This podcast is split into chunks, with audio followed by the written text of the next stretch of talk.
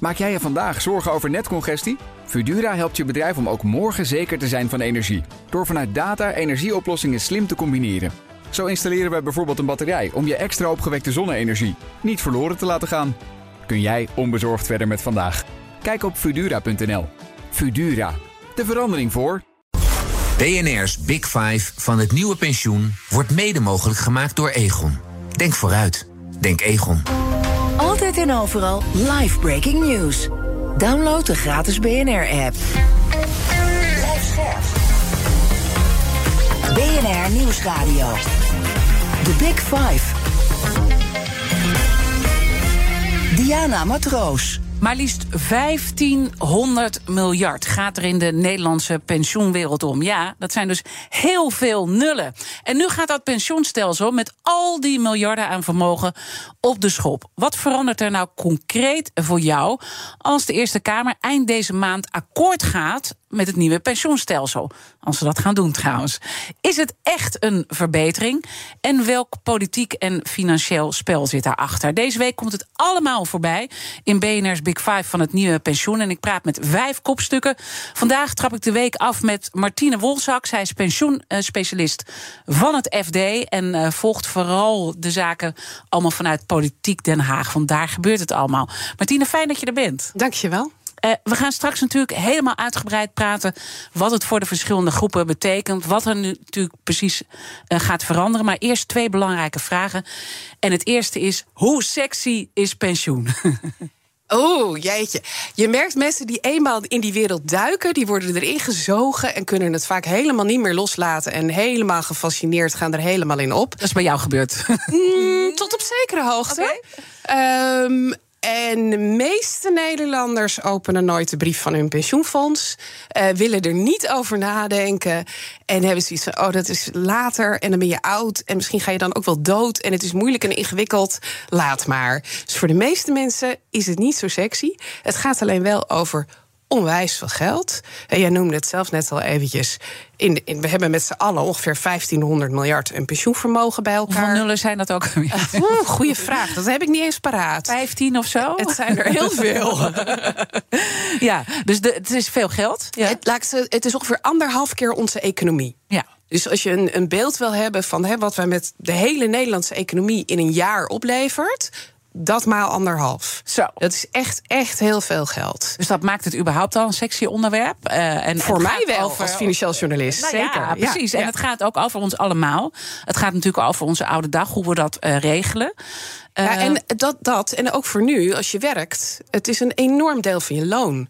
Iedere maand wordt er echt een fix deel voor jou apart gezet. Hoeveel ongeveer? Nou, ik denk hangt... dat een heleboel mensen dat ook geen ja, idee hebben. Uh, nou, bijvoorbeeld bij uh, pensioenfonds ABP is de premie nu uh, meer dan 25% per jaar.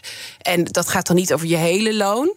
Maar dat gaat al snel echt om duizenden euro's. Afhankelijk van hoeveel inkomen je hebt natuurlijk. Mhm. Hm? Maar als ik bijvoorbeeld op mijn loonstrookje kijk... nou, ik zelf stop al een paar honderd euro iedere maand in die pot.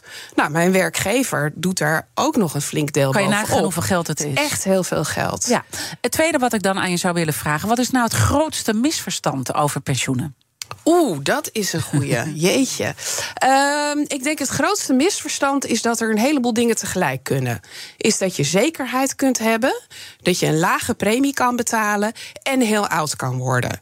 Dat dat allemaal tegelijkertijd samen kan en dat er een soort magische formule zou zijn waarop we het kunnen regelen. Daarom gaat het bij pensioen ook zo vaak enorm over techniek. Dat we proberen eindeloos een knopjes te draaien totdat die Dat droomwereld ontstaat. Ja. ja, die is er gewoon niet. Pensioen is onzeker, altijd. Overal, want het gaat over de toekomst. En, En de dat is toekomst is onzeker. En is dat dan ook de kern wat je moet begrijpen van de pensioenwereld? Wil je naar welk vraagstuk dan ook kijken? Of is er iets anders wat je echt over deze wereld moet weten? Voor mij was dat het grootste inzicht. Dat ik, naarmate ik me er meer in verdiepte, dat ik dacht, ik kan enorm in die techniek gaan duiken. Maar uiteindelijk gaat het over onzekerheid. En uh, ja, de pensioen, dat je daar wat voor opzij zet, dat is zekerheid voor de toekomst. Maar hoeveel het is, hoe riant je daarvan kan leven, dat hangt van zo ontzettend veel dingen af. Uh, hoe oud je wordt, hoe de wereld er dan uitziet, hoe hoog de inflatie de komende jaren is. Ja, uh, dat, ja. dat valt niet met 100% zekerheid te managen. Dat kan gewoon niet. Maar je moet het wel managen. En ik denk ja. dat dat eigenlijk de belangrijke les is. Of je nou ZZP'er bent of in loondienst of een grote onderneming hebt. Uh, ga hier echt mee aan de slag. En open uh, mijnpensioenoverzicht.nl om eens gewoon eens te kijken hoe je ervoor staat. Um, zometeen gaan we over het stelsel praten. Want dat gaat, als het goed is gaat dat dus helemaal op de schop. Er is heel lang over gesproken. Maar daar gaan we straks op in. En wat dat voor elke groep betekent. Maar eerst even het politiek gesteggel. Want dat is heel erg interessant. En dat is ook waar jij nu dagelijks uh, mee bezig bent. Uh, dat nieuwe pensioenstelsel zou dus op 1 juli dit jaar in moeten gaan. Uh, maar gaat het überhaupt de Eerste Kamer halen? Nou, dat wordt nog best spannend. Um, we hebben natuurlijk net provinciale statenverkiezingen gehad. Yes. En nou, die hebben nogal gezorgd voor een politieke aardverschuiving. De BBB, die met 17 zetels waarschijnlijk straks de Eerste Kamer in gaat komen. Uh, de coalitie, die heel veel zetels is kwijtgeraakt daar. Ja, en juist die coalitie, daar steunt natuurlijk dat pensioenakkoord, waar die pensioenwet bij hoort op. Um, met waarschijnlijk steun van de Partij van de Arbeid en GroenLinks. Nou, die zijn wel een beetje stabiel gebleven. Maar die willen ook nog niet helemaal het achterste van hun tong laten zien. Want? Nou ja, die, die hebben nog wel wat vragen over hoe dat nieuwe pensioenstelsel uiteindelijk gaat uitpakken. Ik vermoed dat ze wel voor gaan stemmen, maar 100% zeker is het nog niet. Maar het was vooral spannend. Gaan ze het halen? Want de, de provinciale statenverkiezingen zorgen voor een nieuwe Eerste Kamer. Die treedt in juni aan. Ja. Nou, dan hebben we, als je, je kunt hier op de klok kijken, het is maandag 8 mei, uh, he, iets na tienen, heb je niet super veel tijd meer om dat nog te regelen. En ze zijn dus nu vooral heel erg aan het duwen en het trekken over de datum waarop er gestemd kan gaan worden. En het grote debat in de Eerste Kamer plaats gaat vinden. Nou, waarschijnlijk gaat het nu 22 en 23 mei worden. Ja, dan dat horen ze... we morgen, geloof ik, hè? Morgen zou dat echt wel echt zeker ja. moeten zijn. En dan met stemmen op 30 mei. Ja, nou, Wauw, echt dan, dan is het één dag voor de deadline. Op de valreep. En dan mag er niks meer gebeuren. Ja, dan, dan moet er niet plotseling een, een doorslaggevende stem van een senator. dat diegene ziek wordt of zo. Je hoort misschien aan mijn stem. Ik heb net griep gehad. Ja, dat kan dan dus niet. Uh, die minister, kan, uh, minister Schouten, die over de pensioenen gaat, mag al helemaal niet ziek worden die dagen. Nou, en er zijn natuurlijk ook mensen die uh, hier hun voordeel uit gaan behalen. Denken van laten we rekken en strekken. Want we zijn het er toch niet mee eens. Dat is ook natuurlijk altijd wat er in de politiek gebeurt. Wie gaat dat doen? Nou, je zag het in de Tweede Kamer al. Dat de oppositiepartijen. Ja, die wilden iedere keer weer een nieuwe uh, deskundige horen. Een nieuw rapport, een nieuwe doorrekening. En met overigens heel veel vaak terechte vragen. Uh, maar dat kostte best wel veel tijd. Nou, daardoor is er pas in december, vlak voor kerst, gestemd in de Tweede Kamer ja. over de pensioenwet. En toen had de coalitie zoiets van: nou, dan zijn we nu wel klaar. Want we hebben het zo uitgebreid gedaan in de Tweede Kamer. Laten we nou niet weer helemaal overnieuw beginnen in de Eerste Kamer. Nou, bijvoorbeeld Martin van Rooyen, senator van 50 plus. Die had zoiets van: nee, we gaan het gewoon in de Eerste Kamer weer helemaal opnieuw doen. Met ook weer hoorzittingen, met heel veel deskundigen. Nou, een aantal daarvan komen deze week in de Big Five ook nog weer voorbij. Die zijn daar ook gehoord. Um, heel veel vragen weer gesteld ja. aan de minister. Maar, maar, maar dan, waarom? Want ik bedoel, ja, toch in de Tweede dus, Kamer... Uh, um, ja, daar heeft hij bij gezeten. Het is een hele grote hervorming. Ja. Dus uh, dat de senatoren, en dat vond trouwens ook de, sena de senatoren van de coalitiepartijen, dat die zeggen: ja, we willen hier echt heel goed naar kijken. Er zitten heel veel haken en ogen aan. Er is natuurlijk in het verleden hebben we wel wat ongelukken gehad met wetgeving. Nou ja, iedereen heeft de toeslagenaffaire, het schandaal ja. uh, met kinderopvangtoeslag heel erg nog in het hoofd. Ja. Van, nou, die wetgeving maar was gewoon niet goed. Maar er is vijftien jaar over gesproken. Dit meen je toch niet? Dat het, dat, dat gewoon dan misschien toch weer niet doorgaat? Nou, ik denk dat de kans dat het niet doorgaat niet heel groot is. Alleen, het is niet uitgesloten. Ik denk dat uiteindelijk de, hele, de meeste partijen in de Eerste Kamer, ook degene die toch wel een beetje twijfelen, uh, tot de conclusie zullen komen. We denken dat het beter is dan wat we nu hebben. En dat ze toch zullen stemmen voordat die nieuwe Kamerleden. Uh, de eerste nieuwe Kamerleden, Eerste Kamer aantreedt. Ja, ja want, want BBB, weten we, heeft tegengestemd, toch? Heeft in de Tweede Kamer ja. tegengestemd, zijn heel kritisch. Um, op zich heb je kans dat in de nieuwe samenstelling er nog steeds wel een meerderheid is voor de pensioenhervorming. Alleen je zult zien dat ja, dat, dat hele ritueel van al die gesprekken. Die nieuwe Eerste Kamer zal natuurlijk ook zeggen: van het zijn heel veel nieuwe senatoren. Ja, we willen hier wel even heel goed naar kijken. Ik ga ja, niet dus op het moment dat ze die 30 uh, mei niet halen, dan gaat het dus veel langer duren. Dan zou het veel langer gaan duren. Dus je denkt dat het uiteindelijk wel en dan haal je die 1 juli niet. En dan is de vraag, wat, wat, wat, voor, hè, wat, wat komt er dan op gang? Ja, hoe rampzalig is dat? Haal, nou, dat hangt er heel erg vanaf wat er dan gaat gebeuren. Um, puur in de techniek kan het een probleem zijn bij de indexatiebesluiten in het najaar. Mm ja, tot nog toe is daar eh, dus, dus het besluit of de pensioenen omhoog mogen weer of niet. Tot nu toe is daar de afgelopen jaren iedere keer wel weer een mouw aan gebreid. Dus dat zal wel meevallen.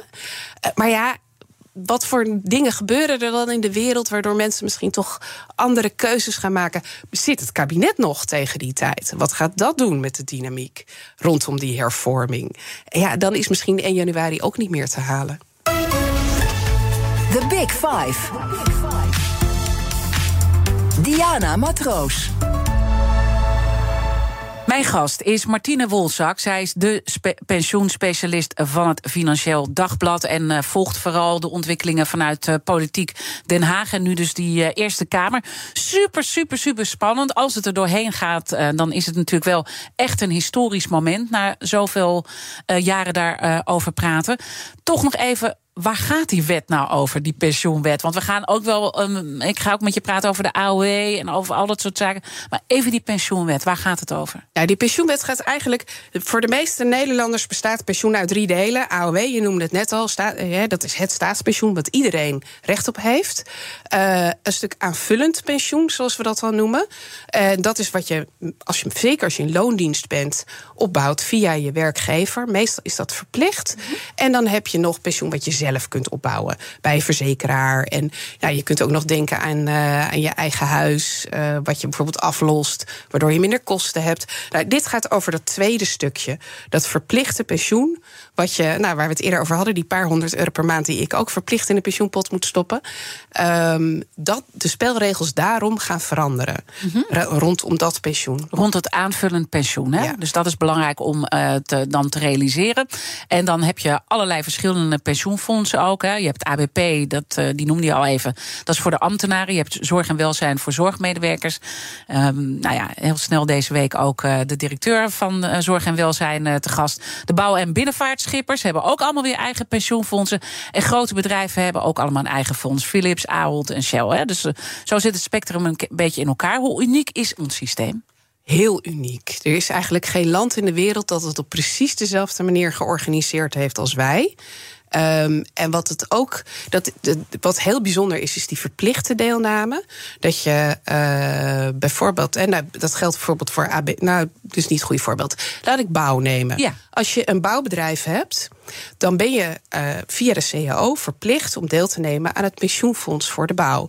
Dus de werkgever kan niet zeggen: Nou, ik vind het beter om een regeling via een verzekeraar te doen voor mijn medewerkers. Ik moet dat doen via dat pensioenfonds.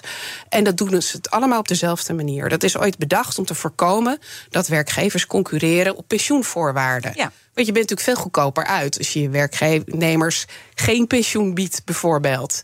Nou, dat, willen, dat hebben ze gelijk willen trekken. Dat is heel uniek dat we dat op die manier in Nederland geregeld hebben. En doordat dat verplicht is en doordat het al heel lang zo is, hebben wij waanzinnig veel pensioenvermogen opgebouwd. Die 1500 miljard.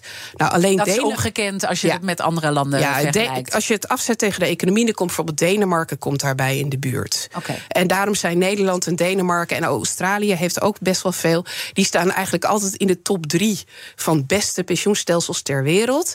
Ja, ik heb, ben dan altijd een beetje, ik denk, ja, beste pensioenstelsel, meeste geld. Ja. Wij hebben gewoon heel veel geld op opzij gezet. En we hebben het redelijk netjes geregeld over dat je weet waar je recht op hebt. Nou ja, laten we dat eventjes ontrafelen. Want om het echt te kunnen begrijpen, moet je ook de historische context uh, begrijpen. En we hebben nogal wat beloftes uh, gedaan als het gaat om het pensioen. En er gaan nu een paar termen vallen. Blijf erbij, uh, iedereen. want dan snap je in ieder geval een beetje waar het vandaan komt. En het begon ooit met het eindloonpensioen. Wat was dat ook alweer? Uh, uh, ik moet, als ik even één anekdote mag ja, aanhalen. Uh, Gerard van Olven, die was de baas van APG. Dat is de grootste pensioenuitvoerder van Nederland. Die doet het pensioen onder andere voor ABP. Die zei, ja, wat we mensen beloofd hebben jarenlang... dat is een eigen zeilboot en een cruise in de Bermuda. En wat ze nu krijgen is een bootje in Sneek. Dus, Als je mazzel hebt. Nee, dat, dat is wel wat je. het, het, het is, is gewoon. Het is leuk, het is prima. Uh, maar het is niet wat we ze beloofd hadden. En dat eindloonpensioen, dat is waar mensen jarenlang. In het verleden was dat heel gewoon. Tot voor kort hadden Nederlandse militairen dat nog. En dan kreeg je dus een pensioen wat gebaseerd was op je laatst verdiende loon. Laatst verdiende loon. Ja, want je begint dus natuurlijk je laatste loonstrookje maar... voor dag voordat je met pensioen gaat dat was het bedrag waar jouw pensioen op gebaseerd was. Nou, dat is voor de meeste mensen het hoogste salaris wat ze exact, ooit in hun leven laag en dan bouw je op. Dus dat gekregen is super lekker ja. natuurlijk. We zijn in de loop, we zijn begin deze eeuw zijn we overgegaan naar middenloon. En dat is dus dan in je pensioen gebaseerd op wat je gemiddeld over je hele loopbaan hebt verdiend. Ja, Wanneer ging dat in? Uh, 2006, 2007 ongeveer. Oké. Okay. Nee, nog iets eerder. Ja. En, en, en nou ja, maar dan gaan dus ook al die jaren tellen dat je weinig uh, hebt ja. verdiend. Hè? Dus dat is echt wel een stuk. En het verschilt trouwens per pensioenfonds ook wanneer dat is ingegaan. Ja. Maar het is er inmiddels bij alle fondsen uit. Um, en dan, ja, dan, dan heb je echt minder. Wat de huidige jongere werkenden die net begonnen zijn, die gaan dus minder pensioen krijgen. Uh, gemiddeld dan de mensen vroeger kregen. Dus dat, dat is al minder geworden. Wat ook minder is geworden, is dat vroeger had je vroeg pensioen. Dat was heel gebruikelijk. Dat, uh, nou, heel veel mensen zullen nog wel opa's en oma's hebben... die met 58 of zo konden stoppen met werken. Ja. En dat deden al hun collega's ja, dat ook. Gaat, uh, ik denk dat dat bij de meeste mensen wel eens doorgedrongen... Nou, dat het voor ons niet gaat Je ziet dat de, de, gemiddelde pensioenleeftijd... Ja. het moment waarop mensen zijn gaan, gaan stoppen met werken... is in een hele korte tijd, nog geen 20 jaar gestegen van begin 60 naar nu 66. Ja, dat is echt een heel ander plaatje. Of je met je 55 denkt, nou, nog een paar jaartjes. Of dat je denkt van, nou, ik moet nog 12 jaar tot 67. Of misschien wel 13 jaar tot 68. Ja, ik heb toch ook wel het gevoel dat we dat wel een beetje hebben geaccepteerd. Het is wel een, echt een ander uh, beeld. Maar om die historie nog beter te begrijpen... is eigenlijk een cruciaal punt en ik kan me dit nog herinneren, want ik was toen nieuwslezer voor uh, eh, RTL Z. Daar hebben we heel veel aandacht aan besteed. Natuurlijk die kredietcrisis 2007, 2008. Toen ging er heel veel in beweging komen. En, maar ook de pensioenen werden enorm uh, geraakt. Uh, fris nog even ons geheugen op. Nou, als je de dekkingsgraad, dat is natuurlijk het term wat de meeste mensen zullen die wel kennen inmiddels rondom een pensioenfonds. Die geeft aan wat, wat doet dat met je pensioen. Um, ABP had een dekkingsgraad van boven de 150 procent voor de pensioencrisis, voor de kredietcrisis. Ja. Nou, dan, dan hebben ze dus eigenlijk anderhalf keer zoveel in kas als dat minimaal nodig is. 100% is minimum. Ja, om, na de crisis, hè? Dat is, dat is die verhouding. Ja, na de crisis stonden ze onder de 100. Dus dat, dat geeft een beetje aan hoe hard die gezondheid van die pensioenfondsen toen achteruit is gegaan. En tot de crisis konden de pensioenfondsen, we hadden het net al even over, over dat indexeren, konden de pensioenen ieder jaar met de inflatie verhoogd worden. En dan behield je dus je koopkracht. Dus je had en eindloonpensioen, je was gestopt met 58. En ieder jaar ging je pensioen met de inflatie omhoog. Zodat je het jaar erop weer exact hetzelfde kon doen met je pensioen als jaar daarvoor. Maar dat ging er dus uit? Voor heel veel pensioenfondsen is dat na 2008 tot vorig jaar niet meer gebeurd. En, en, en, en waarom was dat? Omdat de rente plotseling heel erg ging dalen. We hebben jarenlang rentes gehad die wel een beetje daalden. Maar vroeger was een rente eh, van 6% 5, 4 was heel normaal. Ja, dat is nu jarenlang ondenkbaar geweest. En juist die rente, die is voor pensioenfondsen super belangrijk. En we hebben de afgelopen jaren, nou dat weet iedereen met een spaarrekening, daar kreeg je nul op. Mhm. En als je uh, een zakelijke rekening had, moest je er zelfs op toeleggen. Had je negatieve rentes. Nou, in die wereld moesten pensioenfondsen ook werken in ons huidige pensioenstelsel heeft die rente uh, heel veel invloed. Mm -hmm. En dat heeft geleid tot die eindeloze discussies over de reka-rente. Met enorme verhitte debatten. En nou ja, ik zei net al even voordat we begonnen. In mijn mentions op Twitter, ik ben een fervent twitteraar. Uh, ja. brak de discussie al los voordat deze uitzending begon. En ja, dat heeft tot heel hoog oplopende emoties. En, en wat is dan wat, wat via jouw Twitterlijn binnenkomt waarvan je merkt, hier zitten ze nog steeds na al die jaren hele nou, grote pijn? Ik snap heel goed die mensen die dus al die jaren beloofd is dat je pensioen, en zeker voor gepensioneerden, die merken dat natuurlijk meteen. Uh, nou, mijn moeder is gepensioneerd. Haar pensioen is ook al 15 jaar niet geïndexeerd. Ja. Het is niet omhoog gegaan. Ja. ja. dat betekent dat haar koopkracht langzamerhand ja, achteruit kachelt. De 40-plusser is volgens mij het meeste de lul als het gaat over dat nieuwe stelsel. Dus een beetje de, plat De bedoeling was, dit, dit is het oude stelsel. Ja. Hè, dat, dat, en de hoop was wel dat het nieuwe stelsel dat gaat oplossen. Nou, dat moeten we zien of dat gaat gebeuren. Maar dat was wel een heel belangrijk probleem. Dat al die jaren die koopkracht van die pensioenfondsen, van de gepensioneerden en van werknemers die die pensioen opbouwen, dat pensioen dat heeft stilgestaan. Terwijl tegelijkertijd er wel heel veel geld. Ja, als je naar de, dat, dat, dat ja. grafiekje ja. met hoeveel pensioenvermogen er apart staat, al de vastgoedaandelen, obligaties, die werden ieder jaar meer waard. En mensen kregen niet meer pensioen. En dat, dat geeft natuurlijk enorm veel uh, frustratie. En toen begon eigenlijk alles te schuiven dat het anders moest. En laten we dan in het tweede deel uh, praten wat er dan echt gaat uh, veranderen. En of dat nou een grote verbetering uh, is, ook voor de verschillende leeftijden. Want het gaat ook over dat de jongeren. Uh, nou, eigenlijk meer benadeeld worden, omdat onze carrières er anders uitzien. Nou, bewaren we allemaal voor het volgende half uur. Dan praat ik verder met Martine Wolzak. Zij is pensioenspecialist van het Financieel Dagblad. En dan weet je precies wat de voor- en nadelen van het nieuwe pensioen zijn voor jou. Blijf luisteren.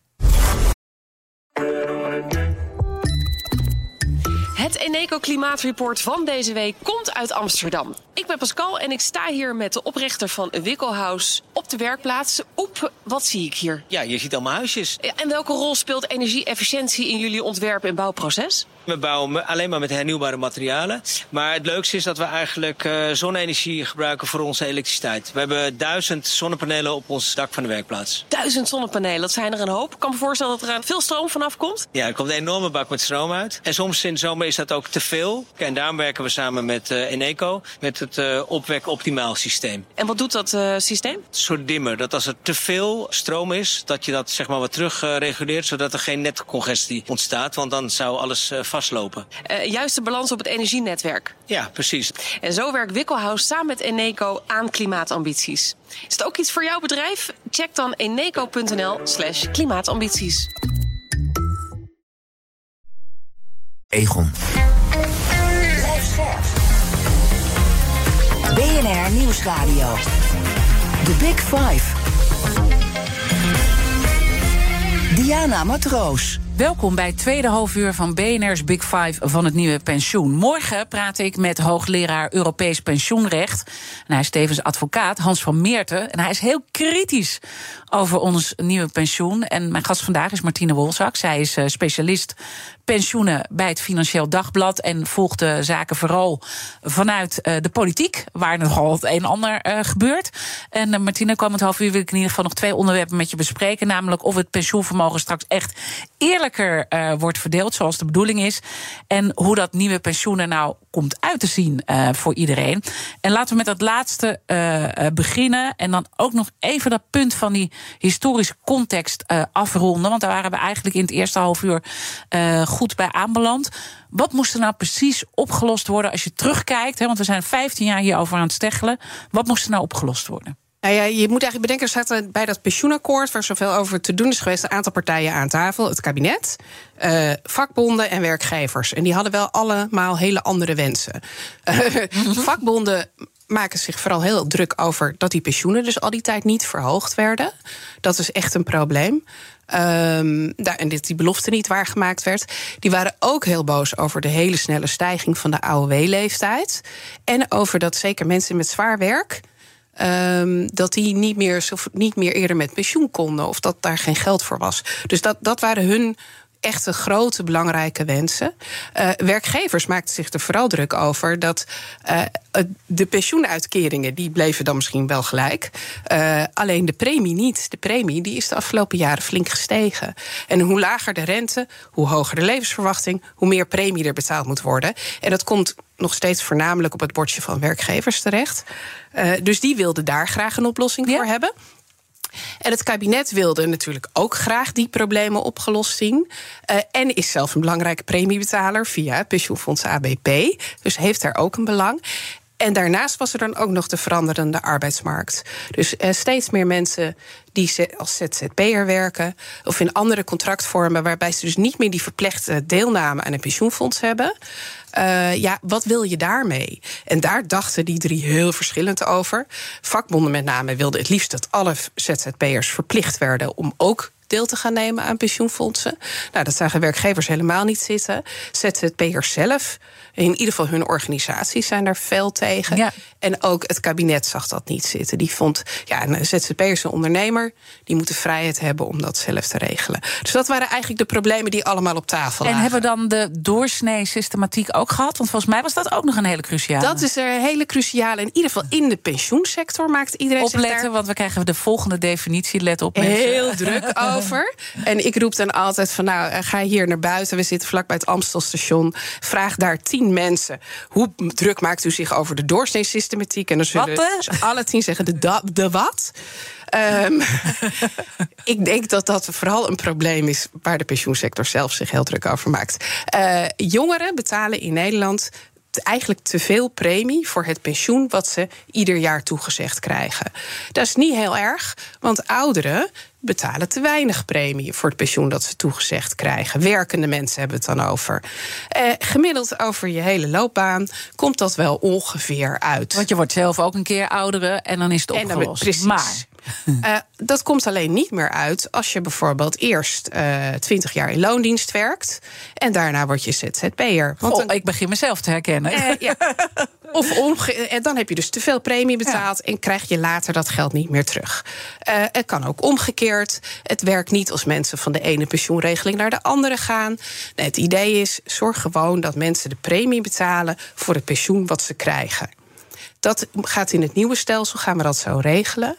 Uh, daar krijgt een jongere krijgt relatief meer pensioen voor zijn premie. En dat is ook wel logisch. Denk aan een spaarrekening. Als ik 1 euro op een spaarrekening zet en in de theorie dat er rente op de spaarrekening mm -hmm. zit, uh, je laat hem 50 jaar staan, nou, dan is dat een aardig bedrag. Ja. Als je die 1 euro op een spaarrekening zet, je laat hem nog maar een jaar staan, levert hij bijna niks meer op. Nou, dus de premie, pensioenpremie van een okay, oudere... Dus dat wordt eigenlijk. Ja, dus, dat dus wordt eerlijker. eigenlijk bij die enorme ja. berg van problemen... dat je eigenlijk kon zien, joh, het pensioenstelsel fungeert gewoon niet meer... Uh, zoals het eigenlijk had gemoeten. En dat was heel breed. Dat ging niet alleen over het aanvullend pensioen, maar ook voor AOW. Daar ja. moesten we langer doorwerken. En nou, ieder, iedereen had daar het zijne uh, over te zeggen. En uh, daar werd flink aangetrokken. En daarom zijn we er zo lang mee bezig geweest. Want ik zie ook nog dat moment nog een... met Wouter Koolmees en Rutte. Ander punt, ja. waar, en dat is het vertrouwen in het pensioen. Ja? En dat is uh, door, door die discussie over de rekenrente en over pensioenen die niet geïndexeerd werden, gepensioneerden die heel boos daarover waren, ontstond er het beeld van nee, gepensioneerden zijn boos, want ze krijgen niet wat hun is beloofd.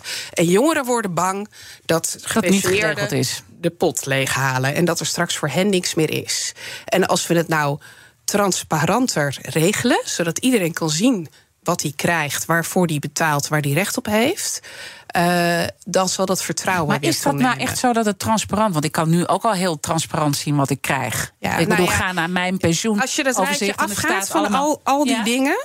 Uh, nou, laten we beginnen met dat vertrouwen en transparant. De oplossing daarvoor is: nu zit in één pensioenfonds. Al het vermogen zit in één pot. En uit die pot krijgt iedereen een uitkering. En van tevoren is je ongeveer toegezegd: jij gaat bedrag X krijgen. Maar hoeveel van dat geld in de pot van jou is, dat weet je niet. Um, en er is ook geen hele directe link van. Het is geen spaarrekening of een potje waar echt geld voor jou ingaat. Mm -hmm. Daar gaan we straks een stapje meer naartoe. En het voordeel daarvan zou zijn dat je dus niet meer kan krijgen dat door je de spelregels verandert, er plotseling geld van jongeren naar ouderen verschuift of van oud naar jong. Dat zou nu in theorie wel kunnen. Als je bijvoorbeeld de rekenrenteknop gaat draaien, als je de rekenrente enorm verhoogt, dan schuift er achter de schermen geld in de pot van eh, jong naar oud. Oké, ja. En als je hem verlaagt, gaat het de andere kant op. En dat gebeurt Dus nu die eigenlijk... rekenrente wordt nu niet meer zo bepalend Die eigenlijk. wordt minder voor het vermogen wat er voor jou apart gezet wordt. En het geeft ook meer Daarvoor ruimte om te kunnen indexeren. Nou, dat, is, dat was een beetje de theorie toen de rente zo laag was. Ja, want dan kom je precies bij het cruciale punt. Of dat in de toekomst ook zo uit gaat pakken, ja, dat hangt gewoon af van hoe goed de beleggingen renderen. Hoe goed die pensioenfondsen beleggen.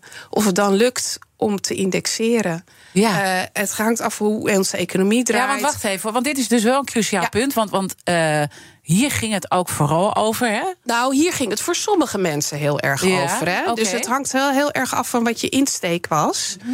Ehm, die, dat koopkrachtig pensioen, dat is wel een belangrijke verkoopargument geweest voor het nieuwe pensioenstelsel. Maar wat het pensioenstelsel, de hervorming, echt regelt, is meer duidelijkheid over wie waar recht op heeft. En minder discussie daarover. Mhm. Dat is het belangrijkste wat het eigenlijk regelt. Maar als ik alles wat ik eh, gelezen heb ook een beetje samenvat, dan zie ik dat we gewoon eh, meer risico gaan nemen. Want we hebben alles willen afhechten omdat je tot een zeker pensioen wilde komen. Dus daarom mocht je niet heel veel risico nemen met dat 1500 miljard met al die nullen. En dat wordt volgens mij nu wel iets makkelijker gemaakt. En dan zeggen ook vermogensbeheerders: dat is lekker. Nou, dat, daar ben ik niet zo van overtuigd. Nee? Wij hebben heel veel belrondjes gedaan bij pensioenfondsen, vermogensbeheerders, deskundigen. Want van- ik zit niet iets gaat- raars te gaat die nu beleggingstheorie Want nou- Ik, ik heb dit overal gelezen. Nou, wat er vooral de hele tijd gezegd wordt, het risico komt meer bij de deelnemer terecht. Mhm.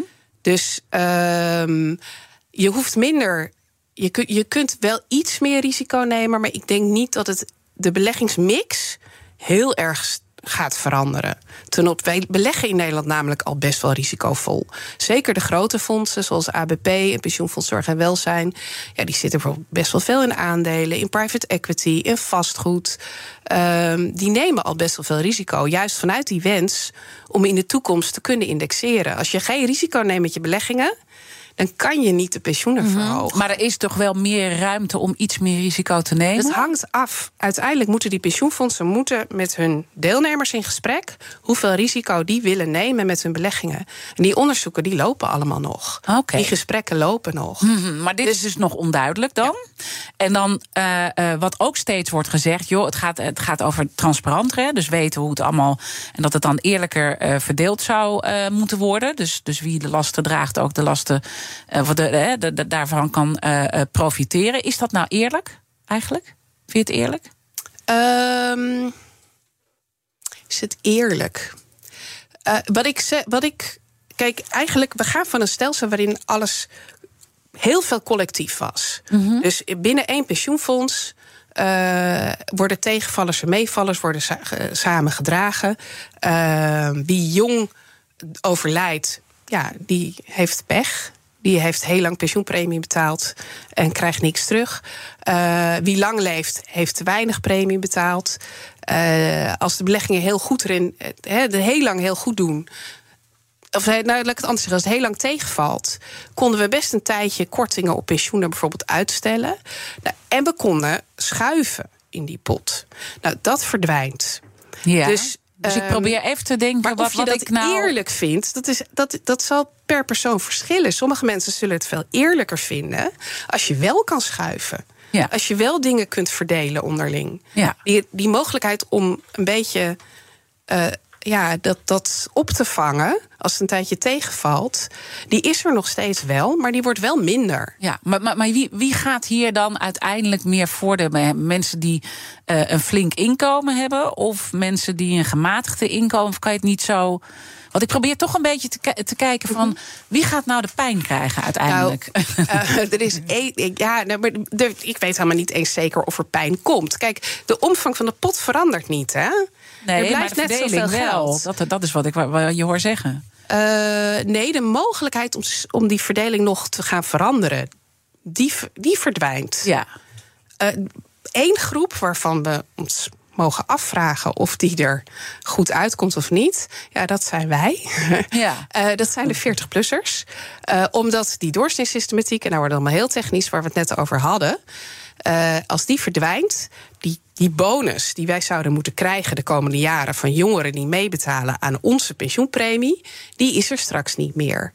Dus wij hebben al die jaren wel te veel betaald, maar wie gaat voor ons dat stukje terugbetalen? Dat is nog steeds niet duidelijk. Maak jij je vandaag zorgen over netcongestie? Fudura helpt je bedrijf om ook morgen zeker te zijn van energie. Door vanuit data energieoplossingen slim te combineren. Zo installeren wij bijvoorbeeld een batterij om je extra opgewekte zonne-energie niet verloren te laten gaan. Kun jij onbezorgd verder met vandaag? Kijk op Fudura.nl. Fudura, de verandering voor. 50.000 bedrijven moeten rapporteren over duurzaamheid. Een nachtmerrie zonder software. En de beste CSRD-software komt uit Nederland. Wij maken nu startklaar in drie maanden. Demo en offerte op www.mastersustainability.today. BNR Nieuwsradio. The Big Five. Diana Matroos. Je luistert naar BNR's Big Five van het nieuwe pensioen. Hoe kijkt het grootste pensioenfonds naar de transitie van het huidige naar het nieuwe pensioenstelsel? Dan moet je zeker later deze week uh, luisteren. Want woensdag bespreek ik dat met Joanne Kellerman. Zij is bestuursvoorzitter van het pensioenfonds Zorg en Welzijn. Maar gast vandaag is Martine Wolzak. Zij is pensioenspecialist van het Financieel uh, Dagblad.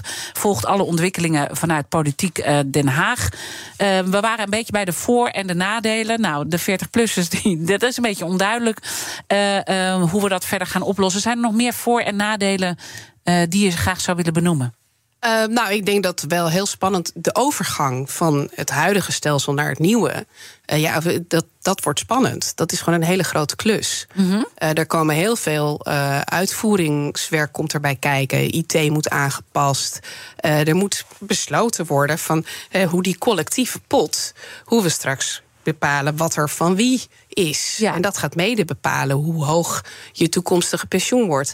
Uh, dat kan goed gaan. Uh, maar het kan ook niet goed gaan. En dat, dat is echt wel een hele, hele spannende een uitvoering. Ja, we hebben in Nederland. Het is echt een mega-operatie. Me ik bedoel, al die verzekeraars zitten nu uh, te rekenen en de pensioenfondsen. Ja, de, de verzekeraars hebben meestal al individuele potjes. Niet allemaal, maar de meeste wel. Dus die, daar, daar komt de minste verandering Daar eigenlijk komt de minste verandering. De maar die zijn ook weer aan het helpen om uh, andere ja. pensioenfondsen te helpen met de overgang. Hè? Ja. Dus iedereen is nu gewoon hartstikke druk bezig. Is dat ook waarom jouw inschatting is dat uh, de Eerste Kamer uiteindelijk toch wel de urgentie gaat zien van nu doorkomen en ik niet denk, uitstellen? Ik denk dat het uh, voor de partijen die in de Tweede Kamer voorgestemd hebben, Mhm. dat was uiteindelijk toch twee derde van de Tweede Kamer. Uh, ja, heel lastig wordt om in de Eerste Kamer te gaan zeggen: we doen het niet. Het is in de, eerste, het is in de Tweede Kamer uitgebreid behandeld. De trein rijdt. De pensioenfondsen zijn al heel hard bezig. Heel, en ook die fracties in de Eerste en Tweede Kamer hebben natuurlijk best wel veel overleg met elkaar gehad. In de achtergrond van hé. Hey, uh, en als je dan in de Tweede Kamer deze meloen hebt doorgeslikt. En voor sommige partijen was het best wel een meloen. Ja, ook voor het CDA vinden, toch, uh, coalitiegenoot? in ieder geval de CDA in de Eerste Kamer, daar hoor je toch wel heel vaak over dat die echt wel moeite hebben met deze stelselhervorming. Omdat ja. we van een heel collectief verhaal naar toch individueler verhaal gaan. Het is niet helemaal individueel. Nee, want uiteindelijk gaan gewoon de werkgevers gaan toch gewoon bepalen met de pensioenfondsen waar het heen gaat. Dus is dat ook een beetje een misvatting? Werkgevers en vakbonden samen bepalen wat de, hoe de nieuwe pensioenregeling ja. eruit komt. Dus je krijgt ook niet een echt individueel potje waar je zelf geld uit mag halen. Nee, ik kan niet je, die boot nu al kopen als nee, ik dat zou willen. Precies. Je kan niet toch naar de Bermuda's. Um, je kan ook uh, niet zeggen, ik ga daar mijn huis bijvoorbeeld van betalen. De, je mag niet zelf beslissen, ik wil wel of niet in de oliemaatschappijen beleggen. Dat blijft dus allemaal. verandert er misschien niet zo heel erg veel. Als de operatie vlekkeloos verloopt, zou het best kunnen dat heel veel mensen er helemaal niet zoveel van merken. Maar als het niet vlekkeloos verloopt, als er ergens ongelukjes gebeuren. Ja, dan, uh, dan is dat wel voor, voor gepensioneerden is doorgaans de helft van hun inkomen. Ja. Uh, en voor ons is het onze toekomst. Ja, dat is, het is gewoon, spannend. Het is zeker spannend. Ja. En, hier komen we ook, denk ik, ook bij een mooi moment voor de kettingvraag. Want onze gasten stellen elkaar vragen via de kettingvraag. En eh, vorige week had mijn eh, collega Paul van Liemt een Big Five over Turkije. En zijn laatste gast deze eh, die week, die had eh, deze vraag voor jou. Ik merk dus bij mezelf als eh, jong persoon, ik ben 35, als het over pensioenen gaat, dan check ik dus uit, helaas. Ik ben een van die mensen. Ehm, maar ik weet tegelijkertijd ook hoe belangrijk pensioen voor me is. Dus hoe kan ik ervoor zorgen dat ik toch debatten, discussies over pensioenen blijf volgen? En hoe kunnen jonge mensen hier nou in meenemen? Want ik merk dat heel veel mensen om me heen daar gewoon zich, daar niet mee bezighouden, terwijl het uiteindelijk ook invloed op ons gaat hebben. En ik denk ook dat heel veel van die jonge mensen ook ZZP'er zijn. Hè? Want dat is ook denk ik belangrijk om dat element ook nog even goed mee te nemen. Ja, nee, ik vond het een hele mooie vraag. En vooral omdat zij zegt van ja, hoe kan ik dat doen?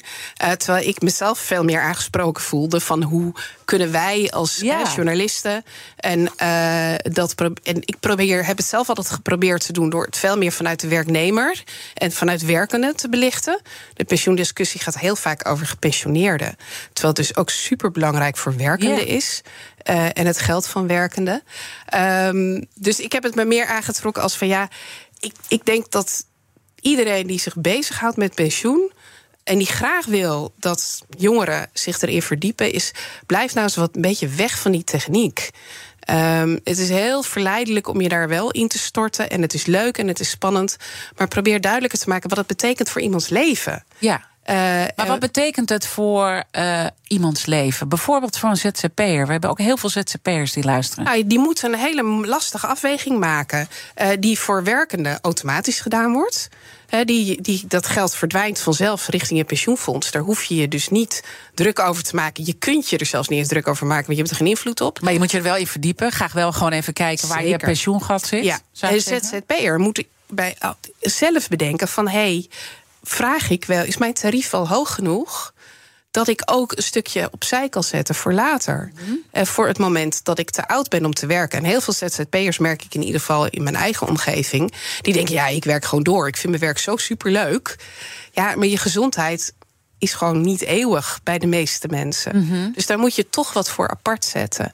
Um, en ja, daar, dat kost wat tijd, hè, wat energie. Ja. En dat gaat trouwens in het nieuwe stelsel uh, wel makkelijker worden. Het wordt minder ingewikkeld, je moet minder moeilijke berekeningen maken. En het wordt ook, uh, je kunt ook meer aftrekken van de belasting. Oké, okay, dus dat is gunstig. En, ja. en, zou ik me ook als ZZP'er makkelijker bij een pensioenfonds kunnen gaan aansluiten? Daar wordt nog enorm over gesteggeld. Aha. Dus dat is een van de onderwerpen die op tafel is blijven liggen bij het pensioenakkoord. Uh, en nou ja, de, Terwijl het vak... super snel gaat. Hè? Want als het nu door de Eerste Kamer is, dan gaat het dus per 1 juli dit jaar ja, in. Maar dat wordt dus gewoon dat, dat is niet echt een substantieel onderdeel van het pensioenakkoord. Nee, oké. Okay. Dus er was wel de bedoeling wat te regelen voor ZZP'ers. Mm -hmm. En uiteindelijk zijn ze het daar gewoon niet echt over eens geworden. Ja, en toen is de beruchte arbeidsongeschiktheidsverzekering voor ZZP'ers erin gekomen. Een verplichting daarvoor. Oh, dat is eigenlijk uitonderhandeld, hè? Dat, dat is moment. gewoon uitonderhandeld. Ja, ja omdat de verplichte deelname pensioen, maar... aan pensioenfondsen, daar konden ze het gewoon echt niet, niet uitkomen. Maar gaan wij dan als uh, uh, ZZP'ers nu, want 1 juli gaat het in als de Eerste Kamer die klap geeft. Uh, nou, dat weten we eind deze maand. Dan gaat het, moet het geëffectueerd zijn 1 januari 2027? Ja, maar dat gaat voor de pensioenfondsen. Dat gaat maar, voor de pensioenfondsen, ja. maar gaat die arbeidsongeschiktheid dan al heel snel verplicht ook nou, uh, zijn voor al die ZZP'ers? Want ik denk bedoeling, dat, dat was wel de bedoeling. Ja. Alleen dat blijkt ook weer in de uitvoering zo ingewikkeld te zijn dat daar iedere keer weer over heen en weer geschoven wordt. En nou ja, ik riep het voor de uitzending al tegen jou. Ik denk dat we het stikstofprobleem nog eerder opgelost hebben. Oké. Okay. Maar daar uh, kunnen we over een paar jaar kan je kijken of ik gelijk heb maar gekregen. Waarom duurt het nou zo lang? Met, want we hebben nu uh, we hebben weer te kort tijd. Uh, maar gelukkig gaan we nog een hele week door over dit onderwerp. Maar we zitten op het eind. Uh, hoe komt het nou dat het zo ontzettend lang duurt, deze hele discussie? Nou, omdat er zo ontzettend veel gevestigde belangen op het spel staan. Er zoveel geld, dat, dat één. En twee, denk ik, waar we, over waar we mee begonnen... dat mensen willen en zekerheid over de hoogte van het pensioen. Ja. Ze willen niet te veel premie betalen. En willen wel levenslang een pensioen wat koopkrachtig is. Ja, die dingen die gaan gewoon niet samen. Nee. En Dat- veranderen is ook altijd moeilijk, hè? Veranderen is altijd moeilijk, maar het is het accepteren van de onzekerheid na al die decennia waarin pensioen ook onzeker was. Alleen het pakte iedere keer goed uit. Ja. Dus dachten we, het is zeker. Maar Dit is wel een belangrijke gewoon zin. fundamenteel onzeker. Kan niet anders. Laatste wat we moeten verrichten. De kettingvraag. Eh, want we zijn nog lang niet klaar met dit onderwerp. Eh, gelukkig maar, want morgen hebben we hoogleraar Europees pensioenrecht en advocaat Hans van Meerten. Wat zou je hem willen vragen? Nou, dat haakt eigenlijk hier wel een beetje bij aan. Eh, ieder jaar leggen werkgevers en werknemers 40 miljard aan pensioenpremie verplicht in. Ehm, en ik. Ik- nou, Hans van Meerten is al jarenlang heel kritisch. En die zegt: als die pensioenhervorming doorgaat, dan verdwijnt die verplichting. Ehm, nou, dan mag hij morgen uitleggen waarom dat zo is. Maar ik ben vooral benieuwd. Wat denkt hij dat er dan gaat gebeuren? Blijven wij dan 40 miljard inleggen? Of gaan we dan veel minder betalen? En zou hij dat erg vinden of niet? Mooie vraag, die ga ik hem zeker stellen. Je begon eh, dat jij het nog niet heel sexy vond, maar wel steeds meer gegrepen werd eh, eh, door. Wat, wat, wat houdt je nog tegen om echt dit een heel sexy onderwerp te vinden? Nou, ik, ik loop nu in Politiek Den Haag rond en er zijn nog een paar andere sexy onderwerpen. Overigens ook weer onderwerpen die niet iedereen sexy vindt. Ik hou me bijvoorbeeld ook nu heel erg veel bezig met ons belastingstelsel. Ja, vind ik ook super interessant. Maar nee, ik blijf pensioen. Er komt zoveel samen. Ja. Eh, het is politiek. Er is heel veel geld staat er op het spel. Eh, het zijn beleggingen. Daar hebben we het deze uitzending bijna niet over Nee, gaan we gehad. later deze week nog doen. Ehm, dus het heeft ook te maken met onze economie, met waar op de wereld wordt het geld verdiend. Want die, die 1500 miljard hebben wij over de hele wereld belegd. Hè? Ja. Hij staat niet op een spaarrekening. Dus als het heel slecht gaat met de wereldeconomie, ja, dan raken, raakt dat onze pensioenen. Dankjewel dat je het gast wilde zijn. En eh, we weten intussen een stuk eh, meer. Het is een eh, hele goede cursus geweest in het afgelopen uur. Martine Wolzak van het FD. En luister alles terug via de podcast. Dan ben je bij over alle belangrijke onderwerpen die er spelen in Nederland. Ook onze andere themaweken. Maar ook heel belangrijk, blijf live op deze zender. Zometeen iemand van Rips met BNR breekt. Wens je een mooie dag. BNR's Big Five van het nieuwe pensioen wordt mede mogelijk gemaakt door Egon. Denk vooruit. Denk Egon. Maak jij je vandaag zorgen over netcongestie? Fudura helpt je bedrijf om ook morgen zeker te zijn van energie. Door vanuit data energieoplossingen slim te combineren. Zo installeren we bijvoorbeeld een batterij om je extra opgewekte zonne-energie niet verloren te laten gaan. Kun jij onbezorgd verder met vandaag? Kijk op Fudura.nl. Fudura, de verandering voor.